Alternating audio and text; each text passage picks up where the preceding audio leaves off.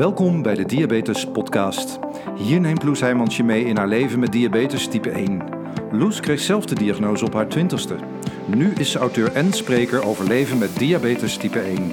Naast haar eigen verhaal beantwoordt Loes ook vragen van luisteraars, gaat ze in gesprek met experts en deelt ze de nieuwste ontwikkelingen op diabetesgebied. Hier is jouw inspiratieshot voor deze week. Dit is de Diabetes Podcast. Welkom en leuk dat je luistert naar weer een nieuwe aflevering van de Diabetes Podcast. Ik zag dat de vorige al even geleden is. Uh, ja, soms lopen die dingen zo, mensen. Um, en dan moet je even iets langer wachten op een nieuwe aflevering. Druk, druk, druk, zeggen ze dan. En uh, ja, dat is eigenlijk ook wel zo. Want het is. Uh, ja, best wel druk um, met al mijn werkzaamheden, met het uh, e-book dat ik aan het schrijven ben over de 42 factoren die je bloedglucose beïnvloeden. Uh, dat komt er echt heel erg binnenkort aan. Um, stond eigenlijk al gepland voor april, maar ja, je weet het, er komen dingen tussen en... Um, uh, nou ja, goed werk heeft tijd nodig, zullen we maar zeggen. Maar die komt er, komt er wel echt aan, aan binnenkort. Um, ik ben ook bezig met de vertaling van mijn eerste boek in het Engels. Dus daar uh, wordt ook hard aan gewerkt. Voor wie het niet kent, mijn eerste boek, Doe mij maar diabetes, dat kwam in 2015 uit. En um, ja, dat wilde ik al heel lang vertalen naar het Engels. Maar nou, nu gaat het er dan eindelijk van komen. Alleen ja, het is een soort dagboek wat mijn leven beschrijft vanaf het moment dat ik de diagnose kreeg tot um, elf jaar later. En ja, het eindigt dus in 2015. Maar ja, we zitten inmiddels in 2022 en de afgelopen zeven jaar zijn er nogal uh, wat dingen gebeurd weer op diabetisch gebied. Dus die wilde ik heel graag aan dat boek toevoegen. Dus ik ben nu eerst um, ja, dat nog aan het schrijven in het Nederlands. En um, ook nog aan het bedenken of ik uh, dan dit boek uh, opnieuw uit ga geven in het Nederlands. Um, maar sowieso wordt de Engelse versie dus een compleet verhaal van 2004, waarin ik de diagnose kreeg tot, uh, tot het heden. En um, ja, dus ook dat kost tijd. En ja, hoewel ik het heel graag zou willen, kan ik gewoon niet alles tegelijk altijd. Ook met Diabetes Plus zijn we natuurlijk nog heel erg druk. Uh, weer Academy-opnames gehad. We gaan Sportbuddy opzetten naast Pombuddy. Ja, en achter de schermen is het daar ook zo druk met dingen die we organiseren. We hebben de eerste vrijwilligersbijeenkomst gehad in, uh, in april. Bezig met de tweede bijeenkomst in september. Um, we staan met Diabetes Plus uh, binnenkort op het One Festival. 11 juni is dat, van de Bas van de Goor Foundation. Ja, en ik zal maar zeggen, we hoeven ons niet te vervelen. Dus um, uh, ja, en daar kwam dan ook nog even tussendoor de ATDD, die um, precies in mijn meivakantie viel. Dus dat was ook weer een en al grote uitdaging. Maar ik ga dan toch vandaag eindelijk de tijd nemen om, uh, om jullie daarover bij te praten. Um, ja, want voor wie er nog nooit van gehoord heeft, wat is nou eigenlijk de ATDD? De ATDD staat voor Advanced Technologies and Treatments for Diabetes. En dat is een um, beurs, congres, uh, nou, hoe je het wil noemen, waarop de nieuwste ontwikkelingen op um, diabetes technologiegebied worden uh, gedeeld door de industrie, door onderzoekers, artsen, wetenschappers. Iedereen die zich ook maar uh, enigszins bezighoudt met dit onderwerp uh, en daar iets over te vertellen heeft, die is daar aanwezig. Dus er zijn heel veel sessies die gegeven worden waarin onderzoeksresultaten worden gedeeld. Um, nieuwe producten worden uitgelegd. Um, ja, dingen worden onderzocht rondom, nou ja, noem maar een onderwerp en het, en het wordt onderzocht. Sport en diabetes, uh, sociaal-economische uh, barrières is een, is een topic geweest. Um, depressies, mentale impact. Nou, alles komt er voorbij. Nu zal je zeggen, dat is misschien niet meteen technisch. Maar um, ja, daar worden ook heel veel onderzoeken naar gedaan. En dat soort dingen worden gedeeld op, uh, op dit soort congressen. En um, normaal gesproken zijn dit soort congressen ook in andere, ja, op andere gebieden buiten diabetes om. Um, is dat vaak voor artsen en onderzoekers toegankelijk en mensen uit de industrie. En ja, het bijzondere aan diabetes is natuurlijk een, een ja, aandoening die zoveel zelfmanagement vraagt, dat het eigenlijk gek is dat er ook geen patiënten aanwezig kunnen zijn op zo'n beurs. Um, en gelukkig is dat uh, dus ook steeds meer wel het geval. Ik ben zelf um, drie jaar geleden bij de ETDD geweest in Madrid destijds. Dat was toen op uitnodiging van Medtronic en dan uh, met um, ja, mensen met diabetes uh, uit heel Europa en verder nog, denk ik zelfs. Um, en dan heb je ook echt sessies vanuit, uh, vanuit Medtronic zelf, waarin ze vragen aan patiënten om mee te denken natuurlijk over dingen die bij hun spelen. Um, Um, maar goed, de afgelopen jaar, twee jaar heeft, uh, heeft het congres natuurlijk stilgelegen op live gebied. Het is wel online doorgegaan en nu uh, voor dit jaar hebben ze een, uh, een soort hybride model um, eraan gekoppeld. Dus je kon ze wel live naar, naar Barcelona als ook de sessies online vanuit thuis volgen. En um, ik kon die sessies online thuis volgen en dat was dit keer niet op uitnodiging van de industrie maar als uh, D-Doc Voice. En dan zul je zeggen, wat is D-Doc Voice nou weer? Ook misschien nog nooit van gehoord.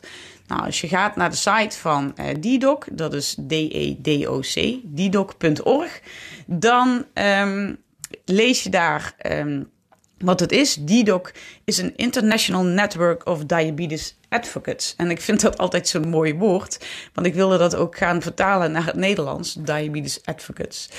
Um, maar dat is dus eigenlijk een, een netwerk uh, wereldwijd inmiddels van um, ja, mensen die zich uh, inzetten um, voor andere mensen met diabetes. Dus zoals ik dat doe um, met mijn uh, podcast, uh, blog en boeken. Maar ook met Diabetes Plus natuurlijk. Um, en zoals zoveel mensen dat doen door uh, bijvoorbeeld hun social media kanalen in te zetten om andere mensen met diabetes te informeren over wat er zoal speelt in, in de diabeteswereld. En um, ja, dit is dus een internationale community. En um, zij deden een paar maanden voor aanvang van de ETDD, het was volgens mij in januari, uh, deden zij een oproep, of eigenlijk een sollicitatieronde zetten ze open voor nieuwe DDoc Voices. Want een DDoc Voice, uh, zo heet je als, je als je daarbij aangesloten bent. En wat ze eigenlijk willen is uh, juist Um, mensen met diabetes, type 1 en type 2 overigens. En alle andere vormen die er zijn, dus echt uh, uh, breed. Mensen met diabetes een stem geven, uh, dat, maar ook sowieso um, een inkijkje geven in, in wat er speelt in de diabeteswereld. En wat er eigenlijk op hoger niveau, zou je kunnen zeggen, besproken wordt. Um, hun slogan is een beetje uh, nothing about us without us. En, en dat omschrijft het natuurlijk wel heel erg mooi. Kijk, iedereen kan in ivoren torentjes van alles gaan verzinnen uh, en roepen. En, en, en wat goed is uh, voor mensen met diabetes en niet. Maar ja, wij zijn toch uiteindelijk de mensen die er, um, die er dag in dag uit mee moeten leven en het ermee moeten doen. En ik denk dat is natuurlijk ook gewoon het unieke aan diabetes tegenover andere uh, ziektes of chronische aandoeningen. Uh, dat stuk zelfmanagement bij ons, dat is enorm. En eigenlijk, als je het zo bedenkt, zou het gewoon heel erg gek zijn als op zo'n uh, congres geen mensen met diabetes aanwezig zouden zijn. Dus DDoc zet zich daarvoor in. Um, en dat doen ze heel erg goed. Hun netwerk is inmiddels echt super groot, echt wereldwijd uh, zijn er mensen bij aangesloten. En wat zij dus uh, voor elkaar boksen is uh, geld ook um, ja, binnenhalen vanuit de industrie om ervoor te zorgen dat, um, nou ja, ik in dit geval toegang kreeg tot het online event. Maar dat er ook, uh, ik geloof dat er dit jaar vanuit DDoc 50 mensen toegang hadden tot het online event. En 13 mensen live in Barcelona aanwezig waren. Dat kost natuurlijk allemaal geld, hè, want dit soort congressen kost klauwen met geld. En reis en verblijf. Dus, uh, dus DDoc heeft ook contacten met de industrie en wordt daarin gesponsord om, uh, om reis en verblijf en toegang tot, um, tot al die sessies uh, ja, te, te bekostigen. Dus dat is echt fantastisch. En um, ja, zij, zij zeggen eigenlijk: um, wij geloven echt in uh, het principe van, van uh, peer support. Dus echt mensen met diabetes, patiënten die het verhaal doorvertellen. de diabetes online community dat voor elkaar kan krijgen. En, en het pay it forward principe. Dus um, ja, heel leuk Loes dat jij uh, je bij ons aan wil sluiten en, uh, en toegang wil krijgen tot dat event. Maar dat tegenover staat dat je wat je leert op dat event, dat je dat teruggeeft aan de diabetes community in Nederland. Want daar gaat het om. En nou ja, dat is ook wat ik uh, nu aan het doen ben en, en in deze podcast zal doen, waar ik ook op Instagram al het nodige over heb gedeeld. Um, vooral in de stories wil je dat zien. Ik heb daar ATDD uh, highlights van gemaakt. Dus dat kun je gewoon terugzien op mijn Instagram, loes.doe mij maar diabetes. Um, en ja, ik zei al, er waren 95 sessies. Uh, tijdens die uh, ATDD. De ATDD duurt uh, vier dagen. Nou, die zitten echt volgepropt met allerlei sessies. Dus ja, ik heb ook echt wel moeten kiezen om, om te bedenken, ja, wat ga ik nou volgen? Wat vind ik interessant? Um, en uh, ja, waar kan ik ook iets mee wat ik, wat ik terug kan geven aan, aan jou als luisteraar? Um, ik vond dat nog best wel lastig hoor, zal ik je eerlijk zeggen. Want ja, er zijn zoveel sessies en sommige dingen zijn ook serieus echt heel erg technisch. Um, wat mijn petje dan soms te boven gaat. En, en waarvan ik denk, ja, dit kan ik ook gewoon heel lastig op een goede manier nog terugkoppelen aan jou. Um, en, en ja, het is zoveel. Dus ik heb echt moeten kiezen. En um, ja, je zult me dadelijk ook horen bladeren, want ik heb pagina's uh, volgeschreven tijdens die sessies met, uh, met aantekeningen. En um, um, nou ja, ik hoop dat ik, uh, dat ik je wat. Nou ja, ik wil, ik wil je vooral eigenlijk meenemen in wat er zoal besproken wordt tijdens zo'n ehm, ik kreeg toevallig net een, een mailtje binnen van diabetotech.com. Uh, Inge van Bokselaar, die ik in aflevering 54 sprak. Hè, de internist uit België die met haar liefde voor diabetestechniek echt een site daarvoor op heeft gezet. En uh, zij was zelf ook uh, live aanwezig in Barcelona.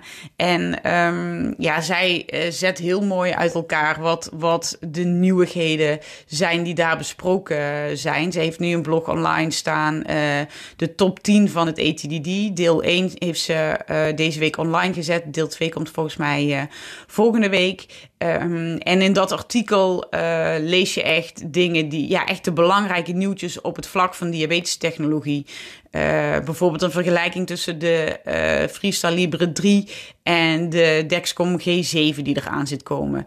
Um, het feit dat Medtronic uh, heeft gezegd we willen koolhydratellen overbodig gaan maken dankzij een smartwatch. Nou, hoe zit dat dan? Wat gaan ze daaraan doen? Hoe werkt dat? En wanneer komt dat? Um, resultaten van een iLet, insuline-only closed loop systeem. Nou, dat zijn allemaal ja, echt de, de technische nieuwtjes. En ik zou je willen adviseren om dat ja, ben je daarin geïnteresseerd? Eh, check dan echt even die website van Inge, diabetotech.com. Uh, want zij omschrijft dat daar fantastisch met de nodige beeld en, uh, en grafiekjes ook die je soms gewoon echt nodig hebt bij dat soort uitleg. Ik heb hier bijvoorbeeld een foto voor me van de Liberty en de Dexcom G7, hoe die eruit zien qua grootte en, en in vergelijking ook met elkaar. Ja, lieve mensen, dat krijg ik gewoon niet voor elkaar om dat in een podcast aan je uit te leggen. Dus... Um, uh, ja, check, eh, check die site even en uh, zie daar echt, echt mooie nieuwe technische snufjes.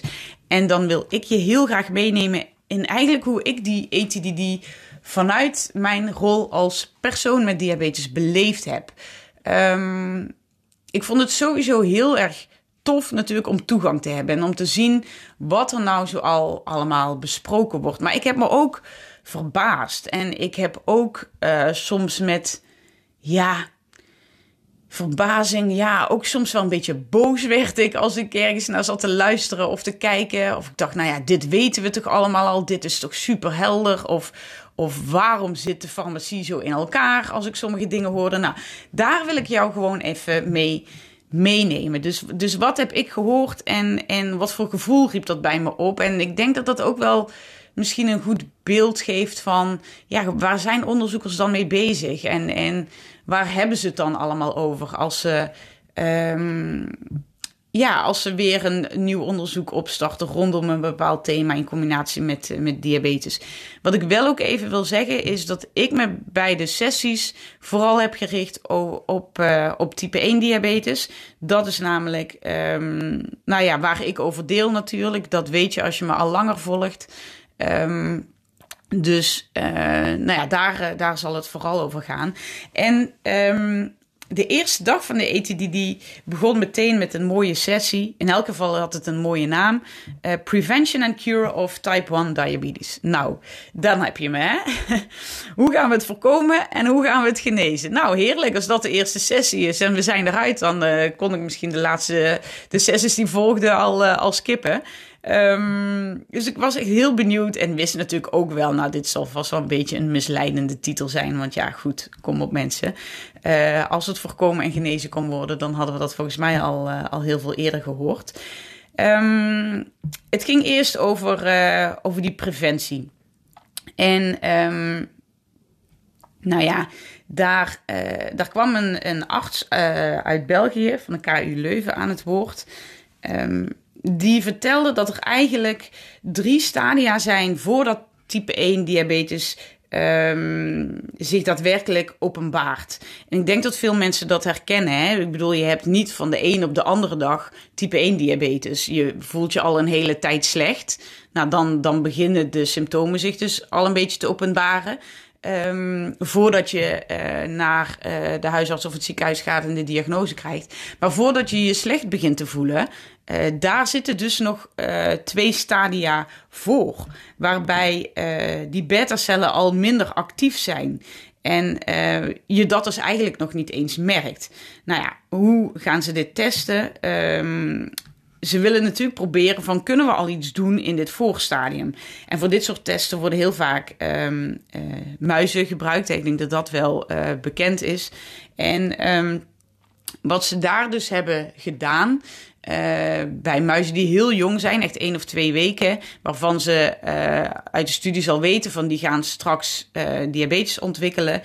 Um, daar hebben ze geprobeerd om de destructie van dat immuunsysteem voor te zijn. Door een bepaald um, ja, medicijn toe te dienen.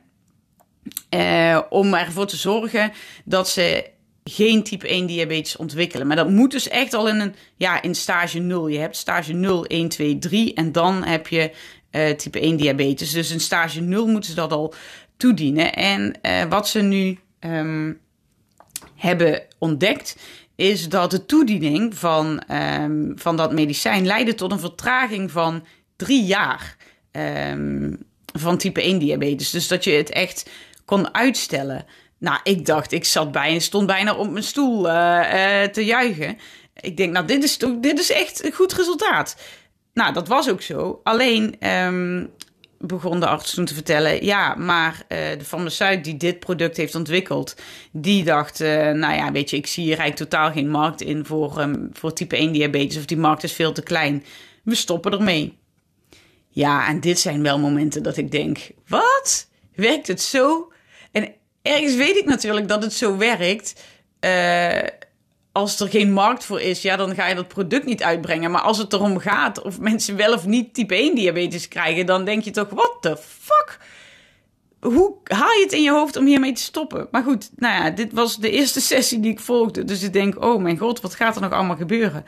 Um, dus dit vond ik, vond ik al best wel heftig in dat opzicht. Ik denk, oké, dan is er dus, dan zijn ze dus echt met een heel tof onderzoek bezig. En dan heeft het goede resultaten. Maar dan wordt zoiets gewoon van tafel geveegd van, ja, nou ja, uh, valt geen, uh, geen geld aan te verdienen. Oké, en door. Ja, nou, dan um, maar even door met, uh, met, de, met de tweede sessie die ik daarin volgde. Um, en dat ging eigenlijk over um, ja, de behandeling van, van mensen met type 1 diabetes. En nou ja, het grote verschil dat er is tussen sowieso type 1 bij uh, kinderen en volwassenen. Hè? Hoe, hoe, kinderen en volwassenen reageren op insuline.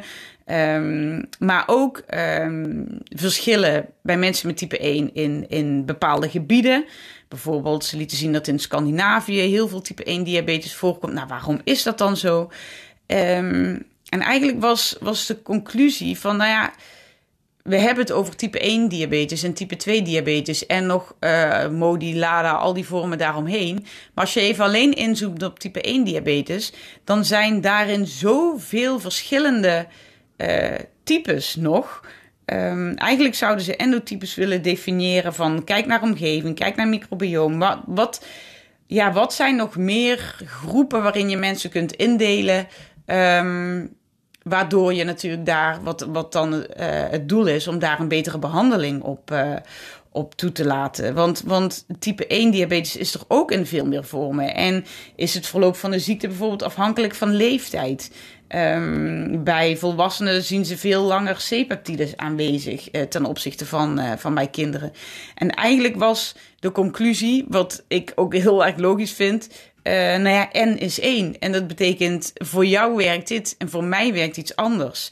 En, um, maar ja, ga je daar dan, hoe, hoe ga je dat in hemelsnaam bewerkstelligen om dan per persoon de juiste um, ja, behandeling op toe te laten. Nou feitelijk is dat natuurlijk gewoon wat we zelf allemaal aan het uitzoeken zijn. Iedereen met type 1 is anders. En voor iedereen past een andere behandeling met andere um, hoeveelheden insuline, andere koolhydraatratio's enzovoort.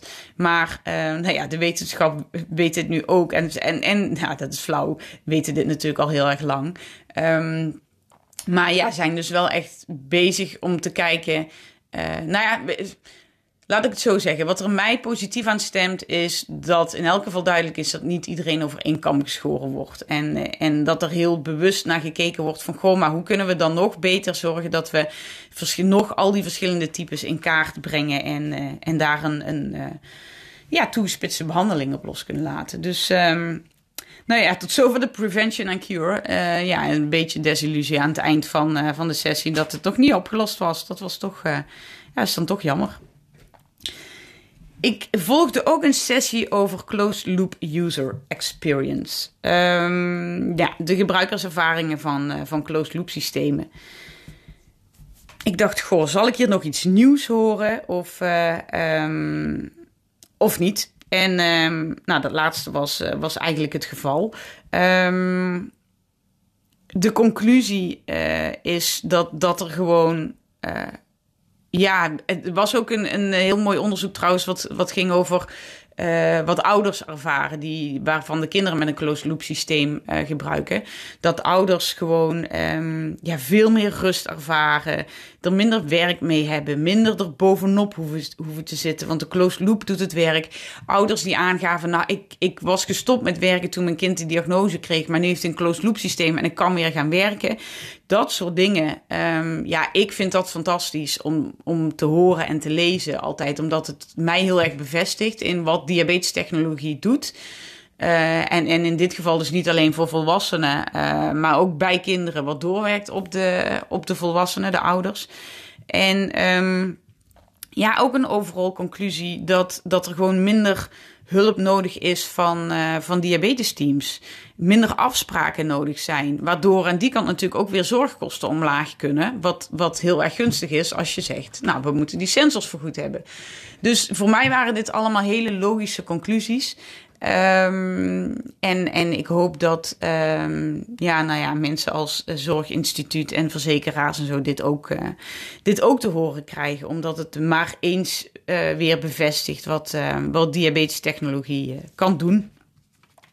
Dus daarin niet heel veel nieuws. Um, ik volgde ook een sessie over sport en diabetes. Um, omdat dat voor mij, nou ja, nog altijd wel uh, wat struggelen is. Ik uh, liep afgelopen zaterdag de Venloop Marathon. liep, hè, niet hardlopen, maar gewoon lopen, wandelen. 42 kilometer en 195 meter dus, om precies te zijn. En ik heb daarvoor uh, heel wat uh, kilometertjes getraind het afgelopen half jaar. Um, en ik uh, heb natuurlijk mijn do-it-yourself loop systeem. Dus ik stel mijn streefwaarden in. het werd warm weer, dus ik zette ook mijn bazaal op 50%. En waar ik in de trainingen steeds um, eigenlijk begon met, met net wat te hoge suikers, omdat ik dan eerst ging ontbijten. Dan moesten we naar uh, de wandelroute rijden. En dan, dan zit tussen de, het ontbijt en de start vaak een uur. Liep mijn suiker toch op tot 13, 14. Vond ik nooit zo fijn. Uh, begon ik dan te wandelen en mijn closed loop systeem gooide er dan wat insuline in om die omlaag te krijgen. Begon ik te wandelen, had ik zo weer een hypo. Dus ik dacht, nou weet je wat, ik, ik, ik stop gewoon, of ik, uh, ik stel mijn ontbijt uit, zo moet ik het zeggen. En zodra we beginnen met wandelen, uh, begin ik uh, te ontbijten. Ik neem een krentenbol mee en, en dan doe ik het zo. Denk, dan, loop ik, dan geef ik een klein beetje insuline en de rest loop ik er meteen uit. Dus ik had dit vooraf niet getest, maar nou, ik dacht, zo gaan we het doen. Dit moet goed gaan. En vervolgens heb ik de eerste twee, tweeënhalf uur op een waarde van 17 gelopen. Nou kan je zeggen, als je, als je daarna nog, nog 32 kilometer moet, dan is dat niet heel erg leuk voor de beentjes. Maar nou ja, uh, om terug te komen op het onderwerp, sport en diabetes blijft dus vaak een uitdaging. Dus ik dacht, goh, laat ik eens horen wat ze hierover te zeggen hebben. En ze hebben een onderzoek gedaan bij 500 mensen. Nou ja, kijken wat doet training en beweging op je HbA1c, op je time and range. welke invloed heeft dat? En... Um, ze zagen dat hoe lager de basale hartslag is, hoe groter de daling in glucose bij activiteit. Uh, dus dat is iets om, om ja, rekening mee te houden. En nou ja, ik heb het altijd over de 42 factoren die je bloedglucose beïnvloeden. Zij hadden het over de 11 factoren die invloed hebben op de variatie in glucose tijdens sport. Uh, dus moet je nagaan. Uh, ik met mijn waarde van 17 tijdens een wandeling. Ja, dat, uh, ik weet nu, het lag aan mijn krentenbol, het lag aan mijn basaalinstelling, het lag aan te laat eten. Uh, het lag aan te weinig activiteit meteen na het eten. Nou, dat zijn er al vier. En dan nog zeven die invloed kunnen hebben. Dus dat, dat bevestigt ook wel weer waarom het zo lastig is. Um, maar de main conclusie van dit onderzoek was dat dagelijks 30 minuten bewegen een verbetering van het HbA1c en een betere time in range tot, tot gevolg had. Nou ja, dat is toch mooi meegenomen. Ik ga straks maar weer even een half uurtje wandelen in, in mijn pauze. Um, en ik denk ook echt, nou ja, ik zie het vooral bij mij als ik dus um, actief ben geweest, dat ik de dag daarna ook echt minder insuline nodig heb. Misschien zul je dat herkennen. Uh, en met zo'n enorme, uh, extreme activiteit zoals een marathon uh, wandelen, had ik, merkte ik dat echt nog twee, drie dagen daarna. Um, dus ja, dat sport wel degelijk invloed heeft op, um, op je diabetes en op je waardes. Dat, dat behoeft denk ik verder geen, geen uitleg. Um, wat ook, en dit was een ander onderzoek waarbij ze zagen dat ook met een closed loop activiteit toch vaak nog tot hypo's leidt. Ja, goed, als je alsnog te veel actieve insuline hebt, dan, uh, dan is dat natuurlijk uh, een, een, een optie. En daarvoor zijn ze nu twee algoritmes gaan testen die dit moeten verbeteren. Uh, die de, het waarnemen van uh, die activiteit waarnemen en daardoor eerder in actie kunnen komen om ja, of je insuline stop te zetten, je basaal omlaag enzovoort. Um, nou ja, dat, dat was gelukt met die twee algoritmes. Dus ook dat zijn wel weer echt hele mooie ontwikkelingen voor natuurlijk de ja, de updates voor nieuwe closed loop systemen eh, of, of de, de updates voor closed loop systemen die er al zijn. Um, ik denk wel echt, er wordt nog zo hard gewerkt aan um, ja, fine-tuning daarvan. Dus dit met activiteit, wat ik straks in het begin al eventjes noemde, met uh, detecteren van, van um, eetbewegingen bij uh, waar Metronic nu mee bezig is. Dus ja, ik denk wel dat, uh, dat de systemen die er nu zijn, die worden echt nog, uh, nog wel steeds, uh, steeds beter. Door naar een volgende sessie. En die ging over vrouwen en diabetes. Ik denk, ja, hier moet ik bij zijn. Dit, dit gaat interessant zijn. En dan ging het vooral over de um, psychologische uitdagingen die vrouwen met diabetes nou, voor een kiezen krijgen, om maar even zo te zeggen. Ze liet op een gegeven moment een grafiek zien um, van de kans op depressie. En dat lieten ze zien bij mensen met diabetes versus mensen zonder diabetes en vrouwen versus mannen. En daarin zag je dat uh, nou ja, mensen met diabetes hebben sowieso een verhoogde kans op angst en depressie. En vrouwen versus mannen, um, daarbij is die kans bij vrouwen ook hoger. En vrouwen met diabetes, nou, het was echt. Um, ja, ik vond het best wel shocking om te zien hoe ongelooflijk hoog dat risico op depressie dan is. En nou, ik wil je niks aanpraten natuurlijk. Maar ik heb zelf um, ooit een depressie gehad. En ja, dat is gewoon echt echt wel heftig. En ook meerdere malen bij de psycholoog gezeten, ook om de depressie voor te zijn, maar wel omdat, uh, wat eigenlijk ook uit het onderzoek uh, kwam, ja, vrouwen ervaren heel veel angst rondom diabetes. Dat speelde bij mij destijds ook wel, echt angst. Ja, meer voor de complicaties, voor de, de um, ja, wat als ik nu een hoge waarde heb, maar wat gaat dat over 10, 20, 30 jaar met me doen? Um, en het, dus ze gaven ook aan, ja, het is een beetje een visieuze cirkel waar je dan in komt. Want met die angst rondom diabetes heeft dat ook weer een negatieve impact op je diabetes management. En um, dat, dat is natuurlijk best wel lastig. Dus ik, nou ja, ik vind en ik merk dat er steeds meer aandacht komt, wel echt voor die mentale kant van diabetes. En, en ja, dat is natuurlijk ook waar ik me heel erg hard voor maak. En wat we ook met Diabetes Plus doen. En deze week hadden we ook de laatste sessie van My Diamate Plus. De online sessies uh, die we samen doen met My Diamate. Die natuurlijk een app hebben ontwikkeld voor de mentale kant van uh, diabetes meer aandacht te geven. Waar je ook echt voor hulp terecht kunt.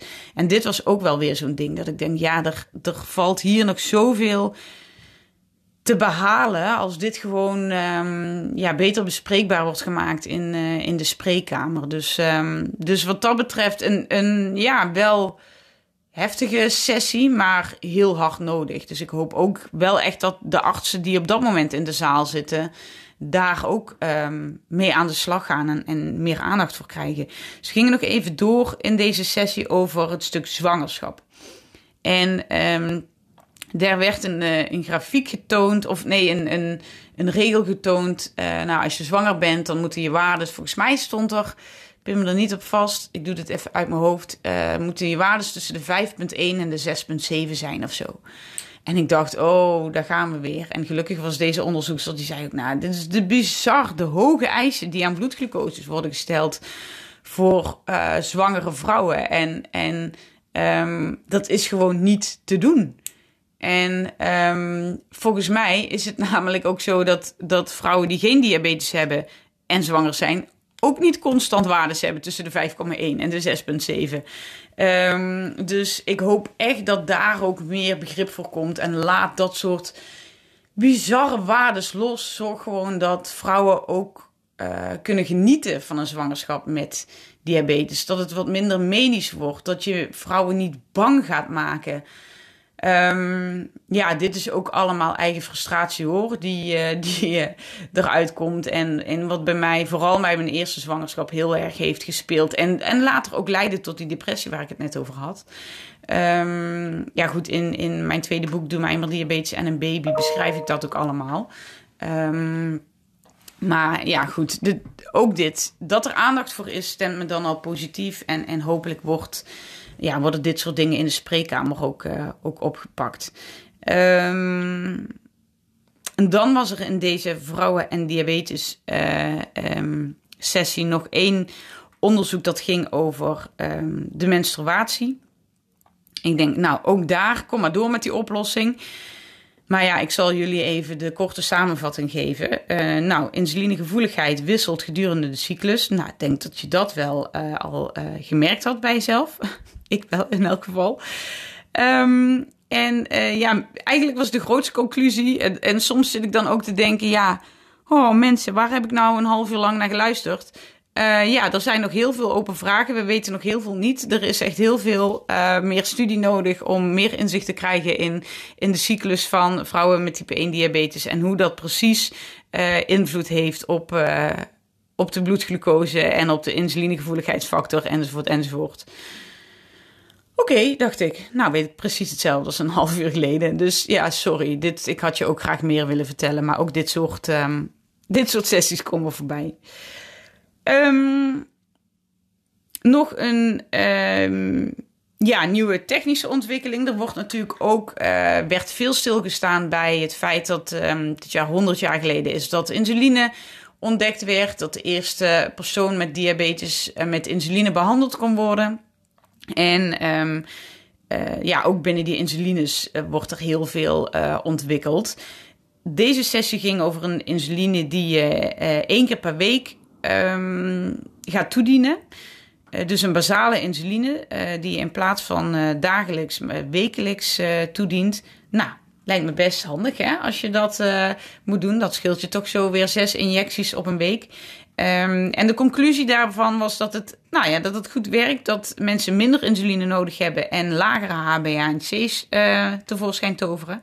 Dus dat is, dat is heel erg tof. Um, side note hierbij is dit dat waarschijnlijk snel beschikbaar komt voor mensen met type 2 diabetes. Maar dat het voor type 1 echt wel lastiger is. Omdat daar gewoon hele andere dingen bij komen kijken dan bij type 2. Hè, mensen met type 1 hebben veel vaker hypo's, andere insulinegevoeligheid. Je hebt te maken met het dageraadfenomeen. Um, dus daar is, um, ja, voor die mensen is het nog, uh, nog niet zo snel uh, haalbaar. Maar nou ja, wordt aan gewerkt, zullen we maar zeggen. Dus, uh, dus wie weet uh, bij de volgende ETDD volgend jaar dat daar alweer meer over te zeggen is. Um, en dan was de laatste sessie die ik uh, volgde en waar ik je iets over ga vertellen, was eigenlijk de, um, ja, meer de, de softe kant, zeg maar, de sociaal-economische grenzen van uh, diabetische technologie. Want um, Kijk, wij roepen hier natuurlijk uh, al jaren van sensoren moeten vergoed worden en um, iedereen moet daar recht op hebben. En ja, er zijn ook gewoon nog heel veel landen, plekken, eh, ook in Nederland, uh, mensen die daar dan, ook al wordt het vergoed, er alsnog niet, geen toegang tot hebben. En um, dat werd heel mooi uh, verteld in een sessie uh, van Partakar uit Engeland. Uh, die zegt: Ja, er is zoveel ongelijkheid. Um, en dat zijpelt ook door natuurlijk in die diabetestechnologie.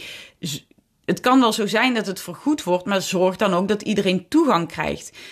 Weet je, als iemand um, die moet naar het ziekenhuis toe, want daar krijgt hij de sensor. Maar stel dat diegene uh, geen auto heeft om naar het ziekenhuis te gaan, of geen geld om een uh, buskaartje te kopen om naar het ziekenhuis te gaan, of nou ja, noem nog uh, tien andere redenen.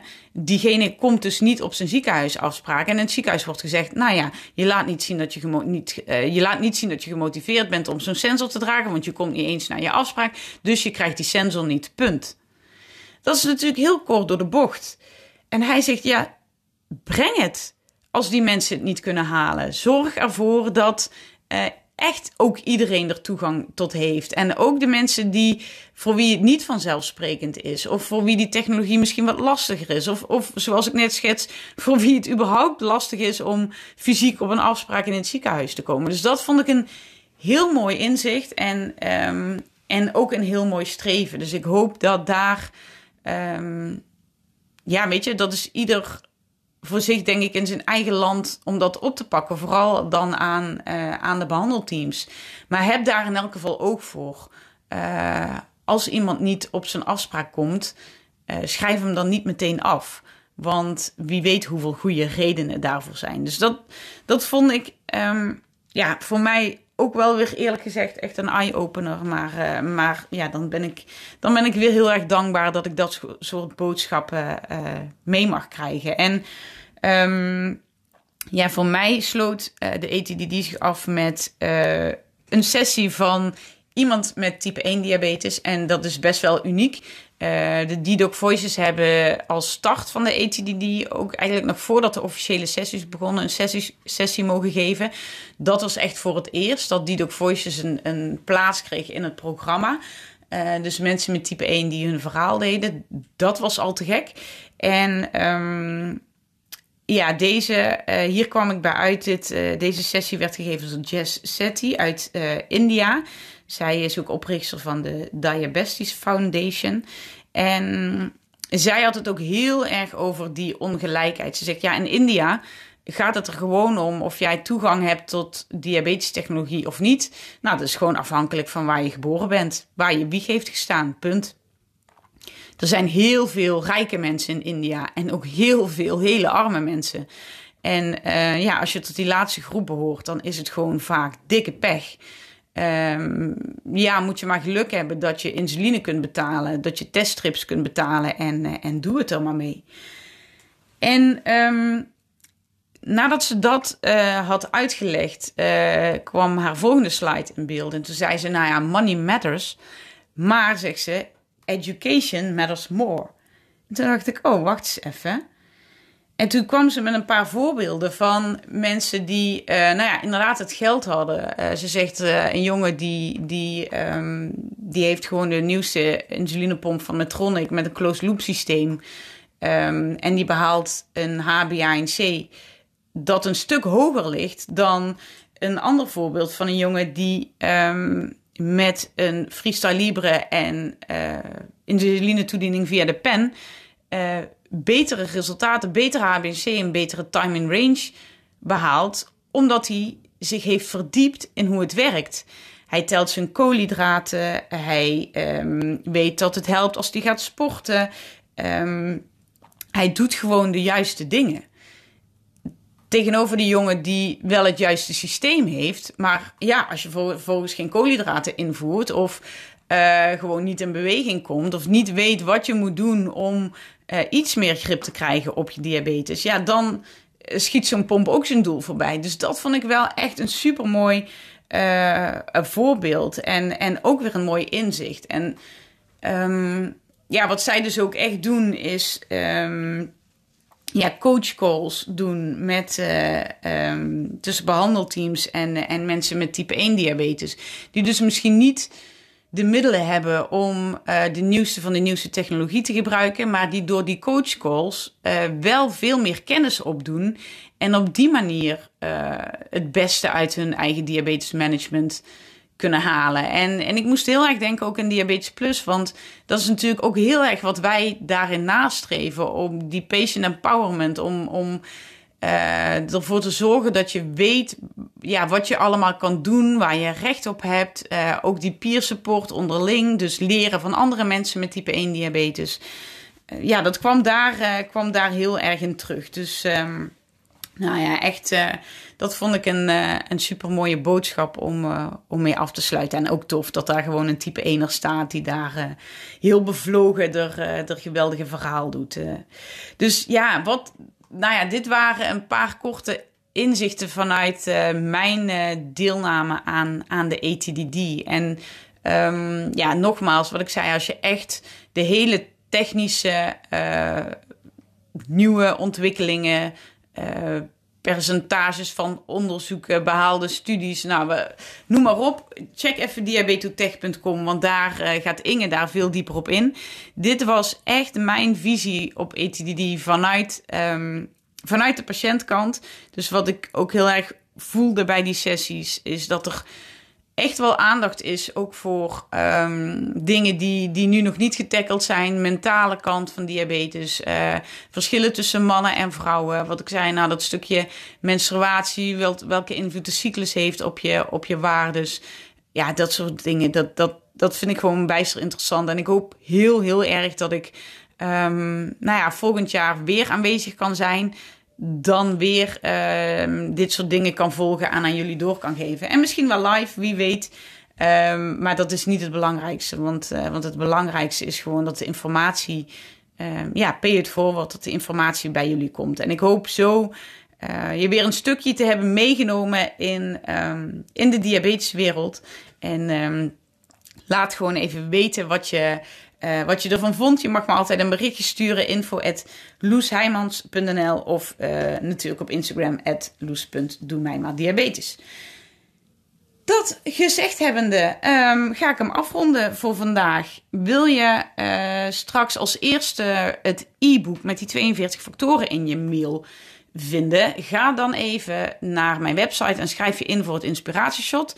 Mijn nieuwsbrief, die komt inmiddels denk ik één keer in de vier weken ongeveer. Ehm, geen spam, gewoon leuke weetjes of waar ik mee bezig ben. Of de links naar, uh, naar nieuwe artikelen, podcasts of wat dan ook.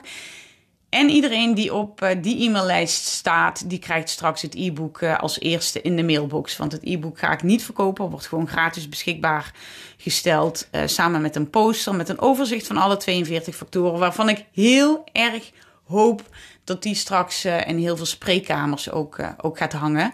Uh, die poster kun je trouwens nu al downloaden. loesheimans.nl slash info slash 42. En um, nou ja, of stuur hem door naar je behandelteam. Of, uh, of print hem alvast uit als je luistert als behandelaar. En, uh, en hang hem gewoon op. Nou, mocht je mij wat willen vragen, dan, um, dan kan dat. Kun je me een mailtje sturen. ik noemde hem net al, info.loesheimans.nl. Heb je een idee voor een onderwerp voor de podcast, mag dat ook die kant op.